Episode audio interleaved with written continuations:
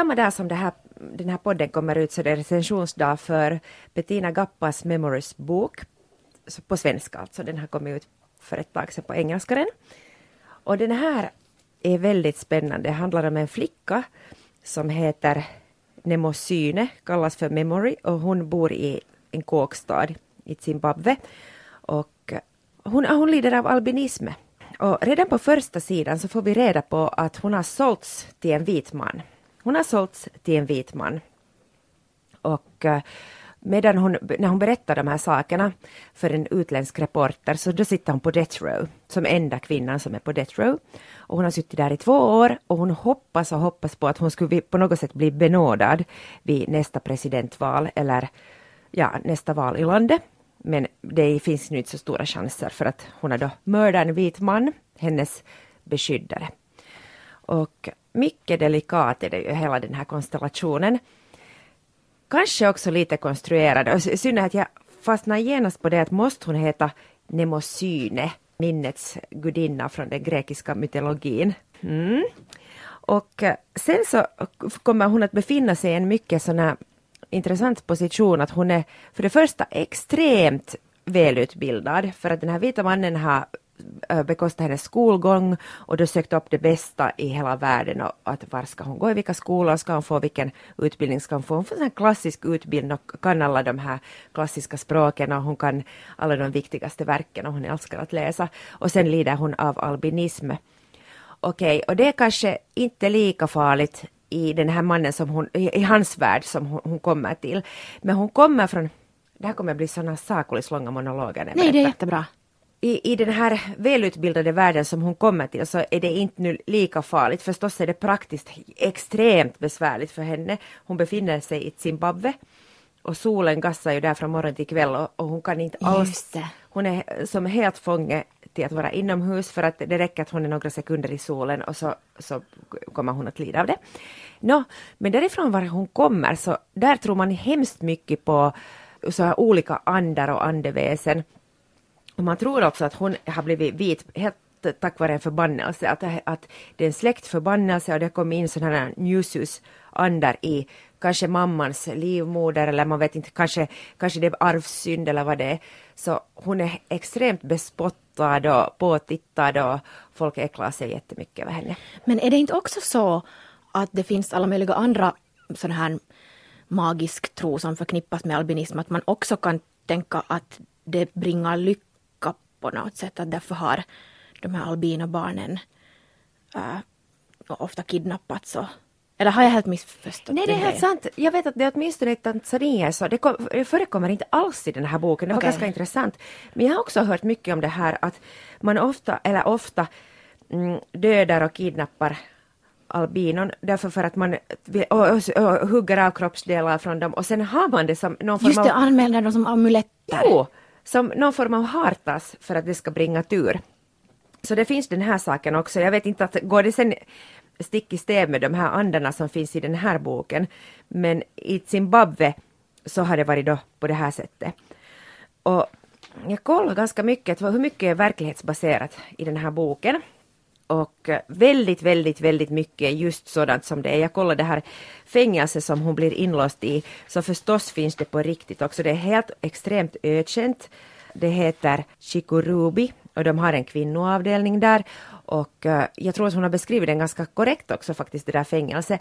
Mm, och så sent som år 2010 så kom det här fängelset uh, eh, på, på löpsedlarna på grund av det att det blev officiellt att fångarna svalt så till den milda grad att de måste fånga råttor för att få mat. Usch. Att det var det enda som fanns att äta om man hittade någon råtta. Och det här är så sent som 2010. Okej. Okay. Alltså är hela den här boken skriven liksom som ett samtal med den här, eller som att hon talar till den här reportern? Ja, och det tycker jag känns väldigt onödigt för att den här reportern känns, kommer inte på något annat sätt än att det adresseras till henne och det känns på något sätt väldigt onödigt att, att hon adresserat till den här uh, journalisten. Och sen det är faktiskt också den här bara memory som pratar under hela boken så man, det blir väldigt sådär lite man får reda på om omgivningen och, och allt annat. Och hennes, eh, utsiktsplats är nog jätte von oben. Hon är så mycket bilder och hon tittar ner på de här andra fångarna som är snuskiga och ruskiga och obildade och hon gör jättemycket skämt på det att de inte kan något, inte vet någonting och hur de pratar. Eh, de pratar hemskt mycket shona för det första. Det, det är förresten författarens modersmål är shona, huvudspråket Zimbabwe, men hon skriver själv på engelska. Så hon gör mycket sådana narr av de här andra medfångarna. Till exempel så var det någon som ha, eh, hade dött och de skulle begrava den här kvinnliga fången. Och så pratade de sådär stolt över att hon led nog av rigor modus. Bara för att det är så skojigt att det heter rigor mortis. Och, och, och sen får de alltid, de ska ibland gå då till, i olika rättegångar och så peppar de varandra hur de ska bete sig i rätten och de får allt fel och de använder alla termer helt fel. Och säkert är det mycket sånt här som är, är sanningsbetonat därför för att Bettina Gappa, den här författaren, så hon jobbar som advokat också och jurist så hon har säkert sett de här typerna ganska mycket. Ja, ja, så trots det här tragiska med att hon blev såld så kan man ändå då tänka, eller tänker hon själv då att hon ändå har fått ett bättre liv än vad hon skulle ha fått om hon skulle ha stannat kvar. No, hon tänker inte så just nu när hon skriver för nu är hon i fängelse och blivit anklagad för mord. Så ja, nu tänker hon så. För att hon säger hela tiden, det är som en besvärjelse att när mina föräldrar sålde mig, mina föräldrar sålde mig, hur kunde de sälja mig? Och faktum är att hon rabblar det här så många gånger att jag till slut drabbas av utmattning och tänk, i ett skede så tänker jag, men skärp dig. Värre saker har ja, hänt. Ja, ja. Alltså jag på riktigt tänker, jag börjar fundera att vad har jag för rätt att tänka så? Så kom jag på att det har bara att göra med den här mekanismen att en människa som tycker väldigt synd om sig själv så är mätt att, eller den är sig själv nog, man orkar inte tycka synd om den. Istället tycker man synd om den där stoiska äh, typen som, som aldrig klagar men man kanske kan se en tår i ögonvrån vart tionde år. Det är ju det man tycker synd om. Mm. Jag har bara läst helt de första sidorna av den här boken och jag tyckte att den hade en jättestor sån här drive eller att, att man kom genast in i berättelsen och jag, jag blev liksom att hon, hon fångar nog mig. Och vet, vet du, ibland finns det böcker som, de böckerna som jag har läst den här veckan är kanske motsatsen. Det är sådana som man måste lite kämpa med för att komma in och man, det krävs liksom eget engagemang. Eh, men den här, den här bara drog in en direkt i händelsernas centrum. Hur upplevde du, höll, höll det liksom i sig? Ja, och i och för sig så blir det mer och mer spännande. Det på sätt och vis också en deckare. Den blev mer och mer spännande ju mer jag läste. Sen går det för snabbt på slutet, så som det ofta gör. Och, och jag blir lite sådär snuvad att får det nu så här snabbt. Jag skulle vilja veta så mycket mer. I och för sig, det här är ju ett lyxproblem, det här är ju bra bara. Att jag skulle vilja veta så mycket mer om den här mannen som köpte henne och hans liv. Det var alltså en vit man Zimbabwe har haft eh, vitt styre ända fram till 1980 och uh, då kom Mugabe tog makten först säkert som någon form av minister, sen blev han president. Mugabe har suttit där ända Vet du vad, visste du att han är 93 år medan vi pratar? Han fyller typ år imorgon. Är det sant? Ja, april. 93? Han är 93. Nå ja, hur som helst. Ja, så han gjorde på det sättet, det, det kommer också fram i boken sådär vid sidan om att uh, han tog alla de här herrgårdarna, godsen allt som de här vita hade fått, så tog han dem och gav de fattiga bönderna. Det här var alltså hans intention offentligt, men sen så visade det sig att, att det skedde nog mycket fel där också och att det var nog hans vänner som fick de där ställena. Förstås, ja. ja tyvärr. Men i, ja, i början såg det bra ut när han kom och tog makten, men sen så blev allt, man säger att under hans tid så har allt försämrats så till den milda grad att det inte ens går att beskriva. Just att den där hungersnöden år 2010 är så där extremt gigantisk så det skyller man nog ganska långt på Mugabe. Nå, uh, ja, så jag skulle ha velat veta hemskt mycket mer om den här vita mannen och hans liv. Och eh, för att vid något skede också så uppmuntrades alla svarta att, att på, no, på allt sätt göra de vita människorna extremt vidrigt. Så de blev förföljda, uh, man uppmuntrar till, ja, helt hemska saker. Helt enkelt bara för att straffa för någon form av rättvisa. Så hans liv förblir ett mysterium fast jag skulle tyckt att hans liv, så som det ges hintar om, verkar vara extremt spännande. Åh, oh, men jag vill veta, mördade hon honom på riktigt eller inte? Kom, kommer det liksom fram till någon slags... Mm. Och, och, och sålde föräldrarna henne? Ja, just det. Den här handlar hemskt, boken handlar om, om jag skulle säga vad den handlar om, så handlar den hemskt mycket om familjehemligheter, lögner, skam och förstås det här utanförskapet. Mm. Mycket, alltså på något sätt så har den, jag säger det här ofta nu märker jag, men att den har, det är en bok som har allt för mycket rätt. Den, det känns så konstruerat och så smart att här har man skrivit en bestseller från, men, men och varför ska man inte ja, få göra intentionen den? att skriva en bestseller. Ja, men det är väl det som alla vill, eller inte alla, men det är väl, man vill ju att folk ska läsa en, helt klart. Mm. Det är väl jättefå författare som inte vill att man ska läsa alls. No förstås där initiala på recensionsdagen så hoppas man väl att ingen har läst, men bara för att det känns så hemskt, men mm. Mm, hur, hurdan var den här översättningen till svenska? Inget speciellt. Alltså jag tyckte faktiskt att det här språket inte är så där jättekittlande alls. Och jag funderar hemskt mycket hade det att göra med översättningen. Alltså den är helt korrekt gjord och det finns inte något tassigheter eller töntigheter som jag skulle, Som, vet du sådana ord som skulle hoppa ut ur sidorna sådär och slå en i fejset. Men språket är faktiskt inte något sådär vansinnigt att jag skulle ha blivit kär i det. Ibland kan jag bli kär i språk för att de där bilderna som målas upp eller att, eller att författaren lyckas säga saker som man egentligen inte kan säga. Här finns ingenting av det. Men sen så, och sen är det nog väldigt exotisk och, och exotifierande. Ja, på vilket sätt? No, att man gottar sig så förbaskat mycket åt de här fattiga töntarna som tror på olika andar och grejer. Låt mig ta ett exempel det här är faktiskt från verkligheten. Jag måste, när jag läste det här stycket så tänkte jag att det här låter oroväckande bekant men det kan ju inte vara sant och, och det var nog faktiskt sant. Jag undrar, kommer du ihåg den här? Det måste ha varit kanske år 2007, 2006 så fanns det en sån här extrem brist på bränsle i landet.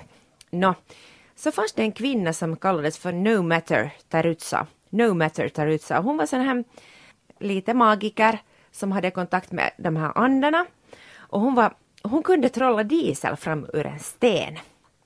Och det finns fotografier ännu fortfarande när hälften av landets ledande män, hälften av ministrarna kommer att titta på den här dieselstenen som är magisk. Och, och de sitter där och klappar och eh, stampar och de här de är helt ifrån sig av lycka, de här ministrarna, när hon ser hon trollar fram diesel ur stenen och de kvinnliga ministrarna ululerade, står det i den här boken, antagligen i verkligheten också. Och sen i boken så står det att de hade lovat den här No Matter att hon skulle få en egen farm och 70 miljarder dollar. Ja. Och hon fick väl, alltså det vet jag åtminstone i verkligheten, så fick hon massor med lyx och förmåner och, hon, och ministrarna satte jättemycket pengar på det här dieselprojektet för att det var ju så lukrativt att få diesel från ingenstans. Och det som hände i verkligheten var att hon och hennes pojkvän så de hade en sån där dieselhink bakom den där stenen. När pojkvännen på något sätt hade grävt sig under den där stenen och hällde ut diesel.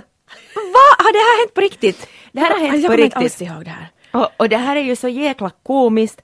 Och, och det här är Mugabes regering. Och men usch vad hemskt! Mm.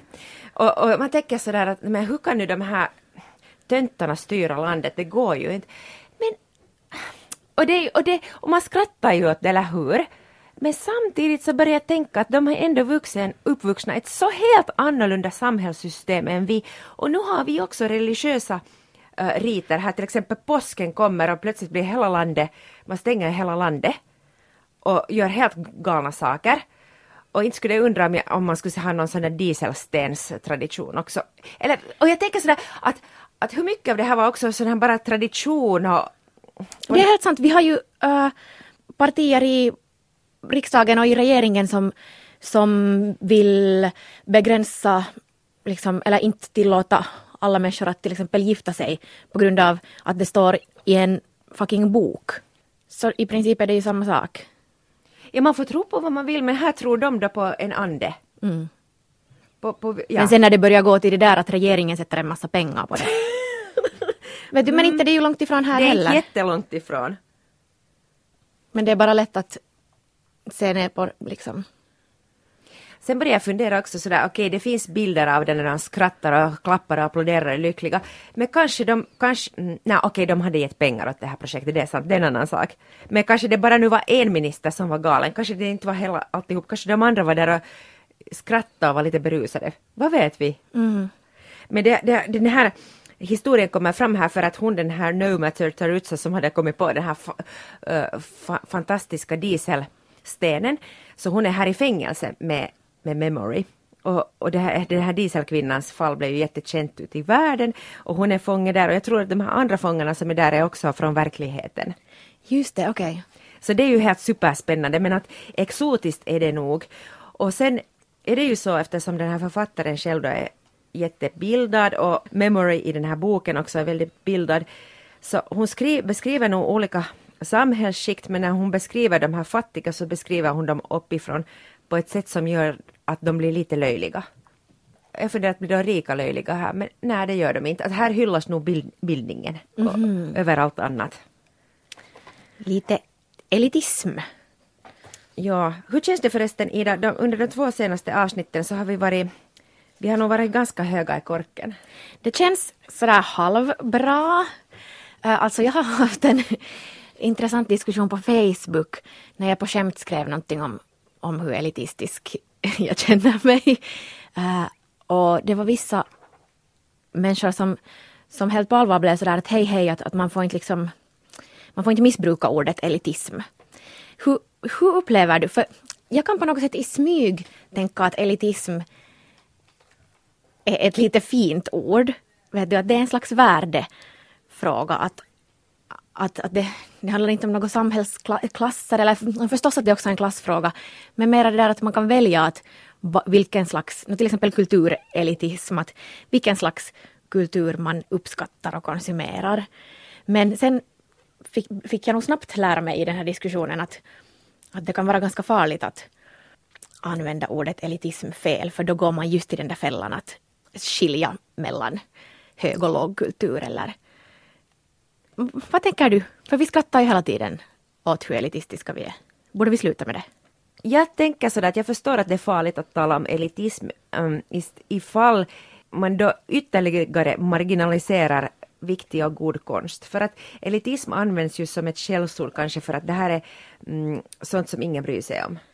Ja, och det används ju också av högerextremister eller av andra kulturfientliga för att visa just att, att det här är, är någonting som är på något sätt verklighetsfrånvänt. Ja, alltså det där ordet har ju kidnappats från, från sin egentliga betydelse som helt enkelt är det bästa av det bästa. Ja, borde vi ta det tillbaka? Jag, jag, jag tycker det. Alltså jag tycker det absolut. Och det är ju härligt, härligt, det är ju härligt att få, få vara lite elitistisk och nosa på det där som är kanske lite svårt och erbjuder jättemycket motstånd som inte faktiskt är till för alla. Men det där är ju också en myt tycker jag, att oftast så är den där så kallade högkulturen, äckligt ord, men att inte den ju alls svårtillgänglig. Till exempel opera var ju helt superfolkligt. No, jo, alltså kanske och, på Verdis tid så han var ju en slagerartist. Exakt. Mm. Men jag tycker nog att opera idag är svår, svårt i den bemärkelsen att det kräver övning nog att ta till sig. Alltså, om man aldrig har tagit del av opera, så nu är det ju först någonting annat. Jag, som inte är mus musikalisk på det sättet överhuvudtaget, så jag behöver veta lite att, att hur, det, hur, hur det fungerar, att vad, vad är de här, betyder de här spelbrickorna, hur funkar det? Vet du, jag behöver lite hjälp Mm. Men sen i en sån här musik som du tycker om att lyssna på, ja. vad det nu heter för death metal, jag vet inte ens vad de där alla olika. Att för mig kräver det, eller att jag känner inte till den så bra att jag skulle veta vad det lönar sig att lyssna på i, vad är det som gör en låt bra. Uh, att det är jättesvårt för mig att njuta av det för att jag fattar inte vad det är man ska liksom ta fasta på. Jag förstår, du har helt rätt för det är ju verkligen inte elitkultur. Alltså det är ju men jag menar att det är ju samma sak. att det kräver övning. Det kräver övning. Jag minns när jag började lyssna på det så tänkte jag först som 14-åring uh, för mig själv så tänkte jag, det här nu, det här, vad är det här för oljud? Men det var ändå något som jag drogs till. Sen började jag hitta sådana eh, grejer i det där oljudet som jag tog fasta på och så började jag älska det där. Exakt, och det är för att du har lyssnat på det mycket Ja, så då... ja jag har lärt mig. Men jo, och det är ju, nej det är inte elitistiskt, det är ju sekteristiskt snarare. Svåra frågor, men nu är det ju spännande. Men du vet det där filisen, det är ju det, jag vet att du tycker om det, att någonting är så att inte alla riktigt genast kan ta till sig det. Eller vill ta till sig det. Det här är ju jättefult att medge sånt här. Ja, Inte vet jag om jag egentligen, nu när jag tänker på saken, egentligen tycker jag inte alls sådär. Egentligen tycker jag att all kultur är till för alla och att folklighet inte alls behöver vara en dålig sak. Utan det handlar mer om den här kvaliteten. Och att vi kanske i vår mainstreamkultur, eller det blir lätt sådär man blir lätt sådär lat i sin kulturkonsumtion eftersom det där mainstream-utbudet är ganska lätt, lätt blir också sådär där ribban är lägst. Eh, jag var till exempel och tittade på Humorlandskampen nu i vår och största delen av skämten var, baserar sig på liksom stereotypier, sexism, till och med rasism. Och jag tänker att det är ju liksom att gå den lättaste vägen. Att bra kultur behöver inte alls vara svårtillgänglig. Tvärtom. Ja, inte vet jag. Ah, nu har jag så många frågor. Uh, lyckas dig som var på Humorlandskampen? Jag Nej! Så, jo, jag skulle så vilja sett den här Nour Rafai, vad heter hon? Från Noel Sverige? Refai, hon var bra. Ja! No, det Eller hennes ena sätt var bra, men sen hennes andra sätt var ett sådant som, som man har sett på Youtube. Men jag har inte sett på Youtube, YouTube något. Nej, just det. Alltså där, no ja, där ser man. Du har det där bulke. No, nu, nu har jag inte varit där och tittat, jag älskar ju kiss och bajshumor också. Eller jag älskar det mest av allt. No, jo. Så där var det bulke, lättillgängligt. Men så har man tagit Nor där, dit. Som kanske hade substans. Mm. Så då fick den här massan också något som, som har mera substans. Exakt. Ja, och det som är bra att okej att det ordnas på Svenska Teatern och då kanske det lockar publik åtminstone till ett teaterhus som kanske aldrig annars går på teater. Och då kanske tröskeln till att sen nästa gång gå och se något annat blir mini lite lägre. Det, Att det finns en sån här missuppfattning liksom att bra kultur eller hög kultur är på något sätt svårt. Och den kan inte jag förstå för att största delen är ju ändå inte. Jag tycker om att det är svårt, därför för att då får jag arbeta och ta på mig detektivkåpan och söka och, och för, då växer man ju när man söker och inte förstår och man tar reda på Ja, och där är ju faran just också att om man bara ger publiken det som de vill ha och det som de redan vet, så då utmanas man ju som tittare liksom aldrig på det där sättet som du beskriver. Att det är ju därför som liksom ansvaret ligger i, vid- hos de här grupperna och institutionerna att göra sånt som också utmanar folk och ge sånt som publiken inte visste att de ville ha. Men, och, och sen ändå kunna liksom locka publik. Vet du vad jag tycker allra, allra bäst om? Det är det att eh, när, när ett verk har så många nivåer att man kan som Helt enkelt, man kan ta emot det här helt enkelt bara som njutning. Man kan goffa i sig sådär voff, voff, voff, voff, på beachen.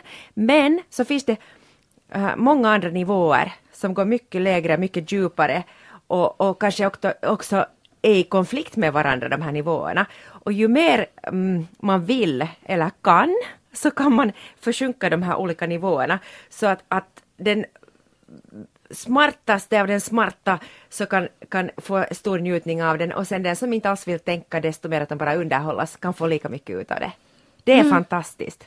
Och sen att det kanske kan komma senare kan du få några aha-upplevelser. Att ah okej, det då kommer du tillbaka till det du har sett eller läst. Och får några nya insikter, att det liksom stannar med dig. Och, Ja. Aj, aj, det är så, det är så intressant. Men jag, jag tror inte heller att elitistiskt måste vara svårt, men jag tror att det finns flera gåtor att lösa ifall man vill fara dit och lösa dem. ja, där finns, ja, just som du säger, mera substans. Men, men. Jag vet inte, svårt det här. Men mest tittar jag nu på Netflix ändå. Och HBO. Jepp. Och vi har väl båda sett Big Little Lies? Så bra serie! Ja, äh, faktiskt. Va- När, blev du helt sådär fast i den? Vid, vid, vid vilket tillfälle? Eller tyckte du om den från första början? Jag tyckte, nej, I början tyckte jag att den var lite väl sådär lätt och fluffig. Men jag tror sen när de här kvinnornas vänskap började djupna och jag insåg liksom hur... Det är ju alltså Reese Witherspoon och eh, Nicole Kidman som har producerat den. Eller? På något sätt åtminstone står bakom den. Och sen är det Alexander Skarsgård. Ja, Han har nog en märkvärdig roll. i En varg söker sin podd sa de att han är en knullmaskin. Men, jag, Inte gör han ju så mycket annat. men vad är det som gör den här serien så jättebra? Är det att det finns så mycket outtalat? Jag tycker att det är det att de är så... De är så ofina eller liksom dåliga människor. Att alla karaktärer har en dålig sida. Ja, du har ju rätt. Där är en sympatisk människa kanske. Just det, hon är den hippin som är helt igenom god. Ja. Och hon är ju den minst intressanta där. Sant. Man är, blir lite irriterad på henne faktiskt för att hon gör allt rätt. Ja, den, den var fin. Vet du, det här är en, kanske första, en av, nej inte det första gången, men den här gången så, så var det mycket, mycket, mycket bättre i eh, tv-format än som bok. Just det, den baserar sig alltså på... Leon Morarities bok. Just det, har du läst den?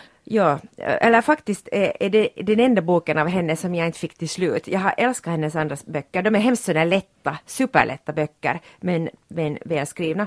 Öppna i händelse av min död har jag läst och Tre önskningar och Andras vänner.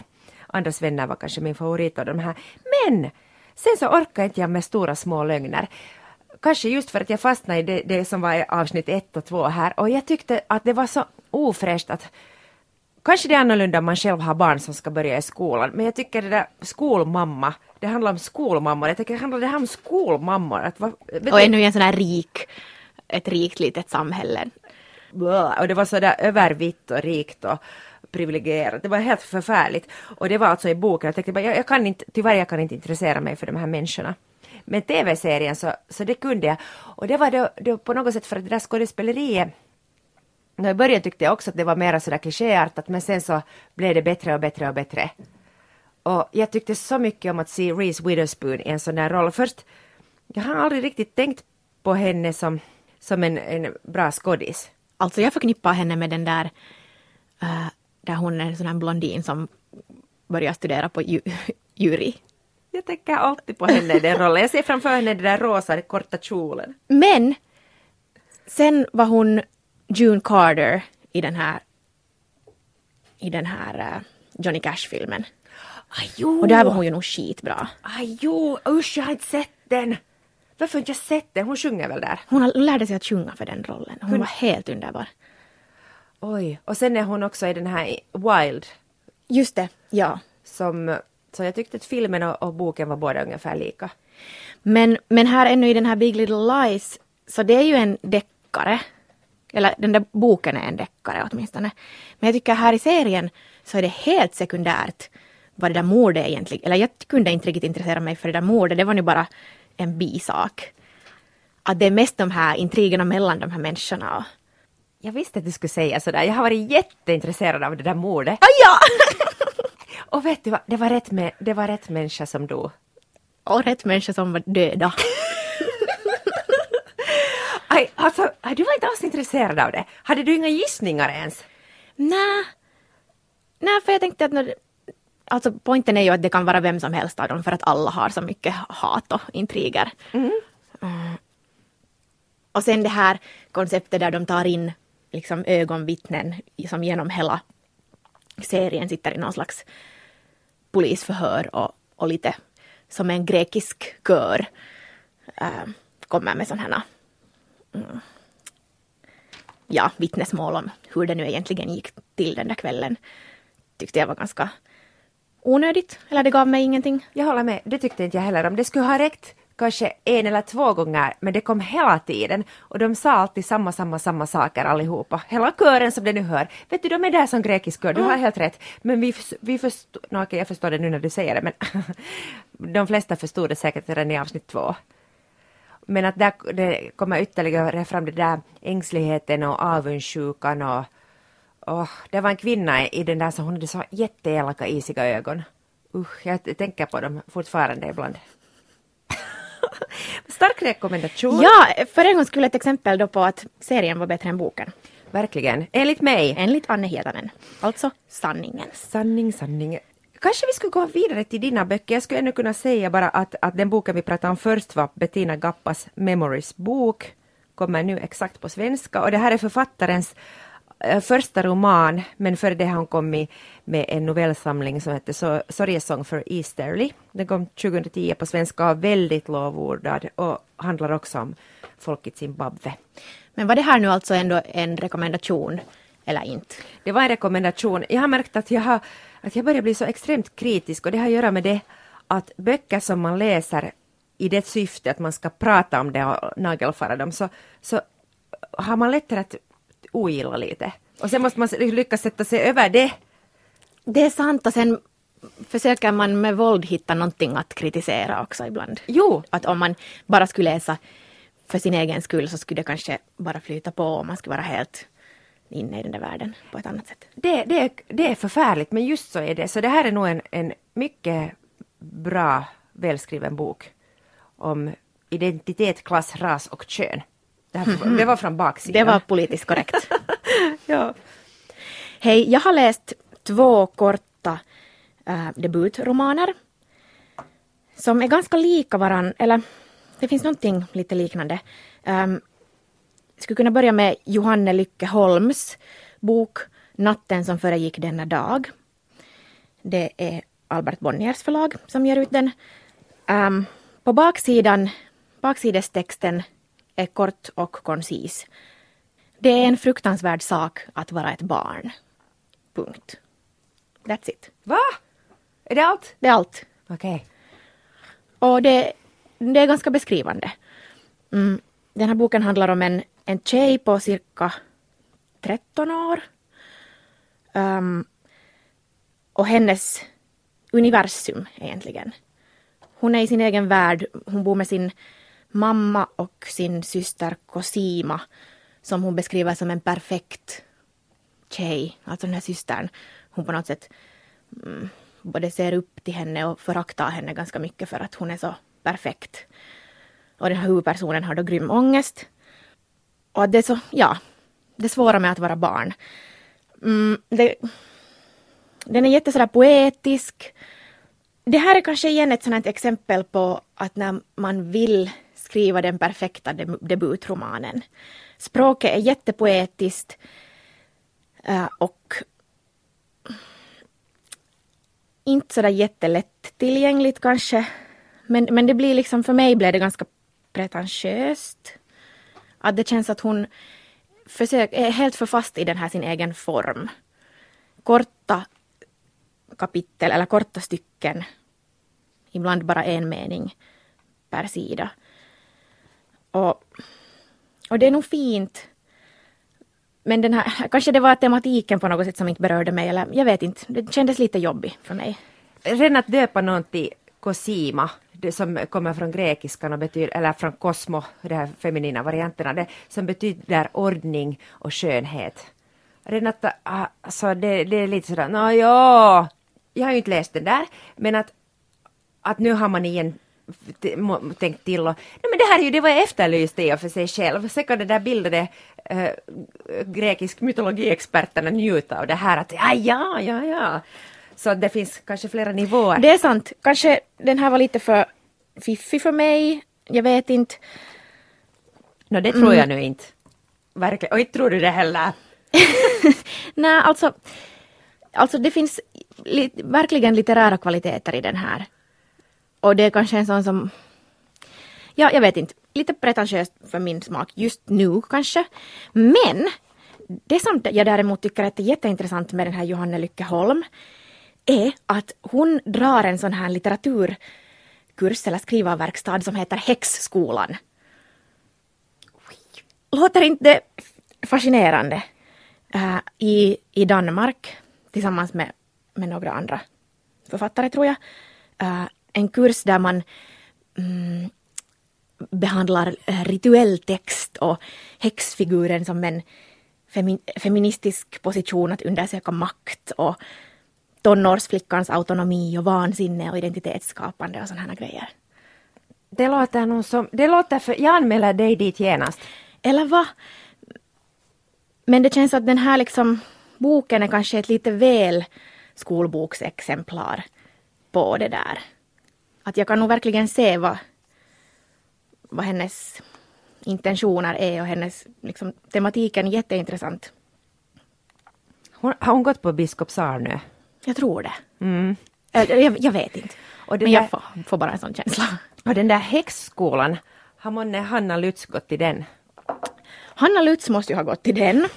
För att den andra boken, äh, Vildsvin av Hanna Lutz, alltså nu den här vårens största snackis. Ja, verkligen. Jätteroligt, en finlandssvensk författare. Jo, och en, en ganska tunn och poetisk bok. En liten bok som syns överallt. Förlaget har nu annars också gett ut snygga böcker, men den här är extra fin. Också hennes debut. Hon har skrivit noveller tidigare, men det här är hennes debutroman. Um, det är vad någon har kallat, eller vad man skulle kunna kalla för ekoprosa. Alltså tema är människans förhållande till naturen. Som kommer fram via, äh, via de här vildsvinen.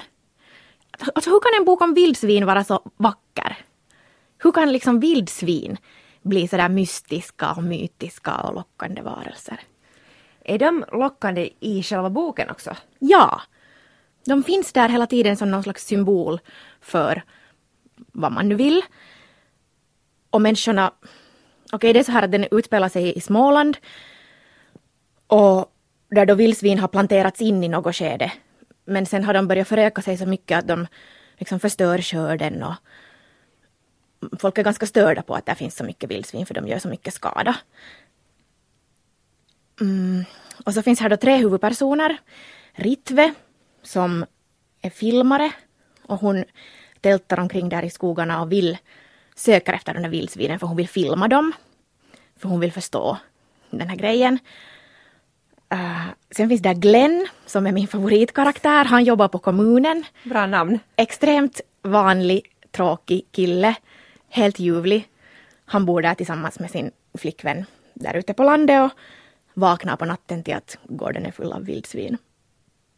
Och sen den tredje huvudpersonen är Mia, som kanske för mig var den tråkigaste av de här. Hon och hennes morfar flyttar ut till en gammal skola där för att där den där morfarn har gått när han var ung för att hon vill locka fram något av hans minnen. Och det var det mest poetiska och det mest tråkiga tyckte jag. Och, och liksom det här berättarperspektivet perspektivet varierar mellan de här tre. Men huvudpers den liksom allra viktigaste karaktären, eller karaktärerna, är ändå de här vildsvinen. För att de liksom finns där hela tiden, men ändå inte. De drar sig undan, man ser inte dem, alla letar efter dem. Man kan liksom ana dem. Men så drar de sig undan, lite sådär som en dröm som man har sett. Och sen när man vaknar på morgonen så går det inte mer att få tag i den. Vad symboliserar de? Det måste man väl själv bestämma. Jag tänker på något sätt både... No, den lätta tolkningen skulle kanske vara då liksom människans förhållande till naturen. Det här komplexa. Att, att du kan försöka kontrollera det och plantera in vildsvin men det kommer ändå att... Det går inte ändå att kontrollera. Mm. Men kanske mera nog någonting för mig tänker jag någonting liksom i människopsyke. Då blir det jätteintressant. Det jag. var jätteintressant och jättefin. Jag går nog helt med nu i den här hyllningskören. Jag har fa faktiskt läst nog några kapitel och jag, de var nog väldigt lättläst. Det här skulle kunna vara egentligen elitkultur, elitistisk kultur, men den är också, den är inte svårtillgänglig det minsta. Inte överhuvudtaget, du läser den på en eftermiddag i gungstolen. Och den har kommit ut först i Danmark för kanske ett år sedan, blev väldigt hyllad där. Och sen har den kommit ut i Sverige och nu i Finland. Jag tänker att det här skulle vara en perfekt sådär present som man skulle kunna ge åt någon. Åt vem ska man ge? Åt vem? Åt vem? Åt vem? Åt vem? Kanske vem borde? mamma på mors dag. Vad är mamma? Jo. Inte vet jag. Vem som helst. Alltså, så, det verkar som ändå så att där finns lite sådana här deckare. Lite kanske. Eller sån där, ja, någon slags noir. Sån där, det är lite sådär dimmigt och Vad är det med mig när jag bara älskar såna här... Jag, jag måste ju börja frilansa som deckare. Det är det jag kommer att börja göra, alltså som lösa mordgåtor och gåtor överlag. För att jag märker ju att det är det som jag genast söker efter. Jag riktigt tycker om det. Jag, jag kanske vill vara barn på nytt. Då höll man ju på med sånt. Hade du också sådana detektivklubbar? Mm. Nå jo, men bara med mig själv. Mm. Ja och ve- nej det stämmer inte alls. Jag och min bästis vi brukar spionera och hänga efter folk hela dagar i sträck. Och det var ju enormt frustre- frustrerande för vuxna människor att ha två flick- fnittrande flickor som förföljer en hela dagen. Jag kommer ihåg att vissa blev arga också på oss. Och vi kunde kunde också gömma oss i sådana här stora tidningsinsamlingar Ja sådana här lådor, det var svårt att komma in i dem och så kunde vi vara dolda där och vara på sån här vakt i flera timmar och sen ibland öppna luckan och titta, där går hon! Och den människan kunde ju höra då något två barn som ropade, där går hon! Följ efter! Alltså det var ju helt, vi terroriserade ju hela Borgå men Ljuvligt. En, en sommar sökte vi med min kompis efter Runebergs lik för vi var helt säkra på att det var ett mord. Men tänk vad ni var bildade som sökte efter Runebergs lik. Vi sökte efter Romsen. Kommer du ihåg Romsen? Ja, ja. En dag så var dörren till Romsen, han sålde, så- hade sån här köp och säljfirma. En dag så gick vi förbi och märkte att dörren till hans butik var öppen. Men Romsen fanns ingenstans. Vi går in dit och söker honom och ropar Romsen, Romsen, inget svar. Varpå vi genast går till polisstationen och anmäler ett fall där Romsen har försvunnit. Gick ni på riktigt och anmälde det Jo. här? Åh! Jag kommer ihåg när jag berättade att mamma efter så sa mamma att, att det var nog lite onödigt att sa ni era efternamn? Jo förstås! Sen inte var det nu något annat än att han inte hade låst dörren. No, men där ser man. Ett livslångt intresse för mordgåtor. Jo. Men här fanns alltså nu inga mord i den här vildsvin. Det var inte på det sättet en deckare. Så, så fint. Hanna Lutz vildsvin. Bra gjort! Bra gjort. Bra jobbat. Uh, vi hörs inte igen nästa vecka. Hej, det här är jättetragiskt! Visst är det.